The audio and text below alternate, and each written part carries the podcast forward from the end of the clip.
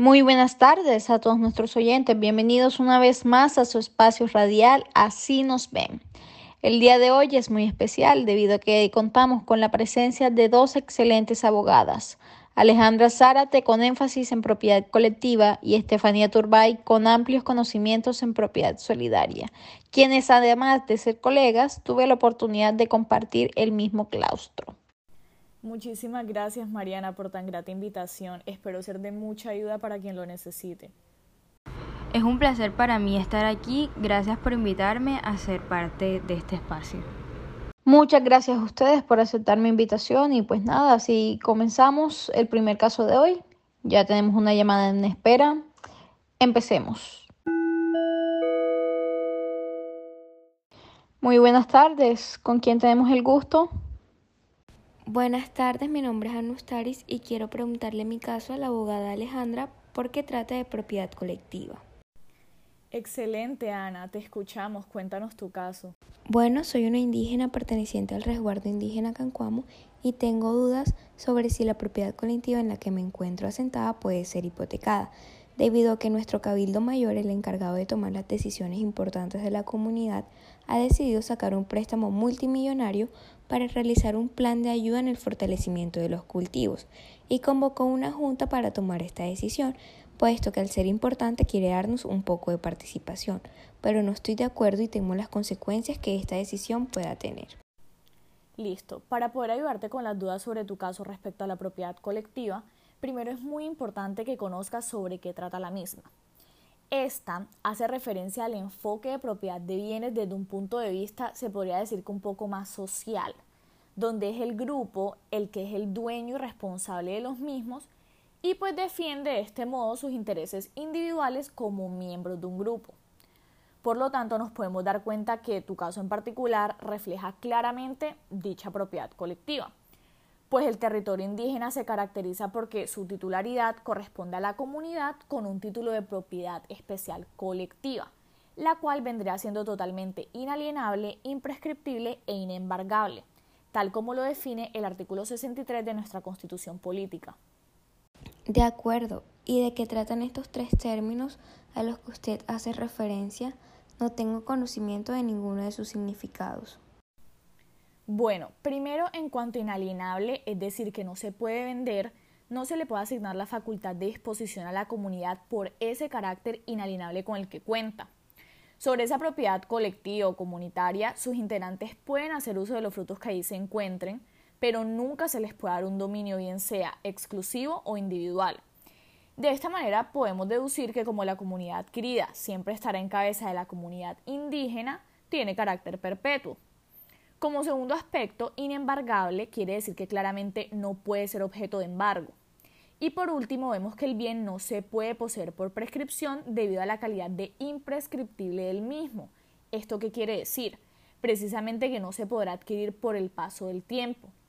Como consecuencia de esto, no se puede realizar el proceso de declaración de pertenencia para lograr el dominio a través del modo originario de la prescripción.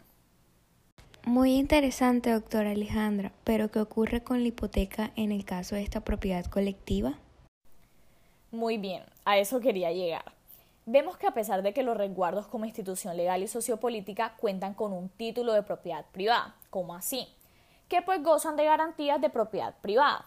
Además cuentan con un dominio colectivo, el cual se refleja en el manejo de estos como una organización por lo tanto, como lo plantea el parágrafo del artículo 21 del decreto 2164 del 95, y por sus calidades de inalienable, imprescriptible e inembargable, como las había descrito anteriormente, el territorio indígena no puede hipotecarse para garantizar obligaciones, pues ésta necesita el dominio exclusivo del bien por parte del deudor hipotecario para que se pueda dar la hipoteca. Qué bueno, ya quedó más tranquila. Entonces se podría decir que como no hay un dominio particular, este no se podría ceder, ¿verdad? Exactamente, en ningún caso se podrá transmitir el dominio, debido a que éste pertenece a la comunidad como un todo o este ente colectivo. Sin embargo, en cuanto al derecho al uso o a la utilización de una determinada porción de terreno, pues por parte de sus integrantes, sí va a ser susceptible de transmisión por causa de muerte, pero conforme a los estatutos vigentes para la respectiva comunidad. Muchas gracias, doctora Alejandra, por este espacio para resolver mis dudas. Ya sé qué decisión tomar. Gracias, Ana y Alejandra, por este primer caso. Y... y seguimos con nuestro segundo caso en el día de hoy. ¿Con quién tenemos el gusto? Hola, ¿cómo están? Mi nombre es Catalina y quisiera comentarles mi caso que está relacionado con la propiedad solidaria. Muy bien, Catalina, la doctora Estefanía podrá resolver todas tus dudas respecto al tema. Así es, Mariana. Muy buenas tardes, Catalina. Coméntame tu caso y todas las inquietudes al respecto. Me encuentro cansada de las injusticias por las que estoy atravesando en mi actual empresa. He decidido abandonarla y entrar a una nueva entidad la cual cuente con un sistema corporativo, ya que me lo han recomendado mucho. Por lo cual necesito una clara explicación sobre este y de su normativa. Tengo claridad de lo que trata el artículo 4 de la Ley 79 de 1978 pero no tengo conocimiento jurídico, así que desconozco características esenciales de la propiedad solidaria. Y también quisiera estar al tanto si en Colombia este tipo de propiedad cuenta con apoyo del Estado o si solo se queda en lo escrito sobre un papel. Listo. Ok, es de suma importancia entender los beneficios de los llamados sistemas corporativos, como mencionaba.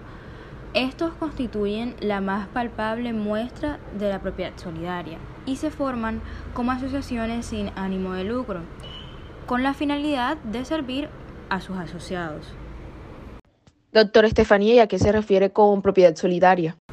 Bueno, para ponerle un poco en contexto, en una sociedad de mercado existen organizaciones económicas o sociales que están ligadas por comunidad de intereses y responsabilidades.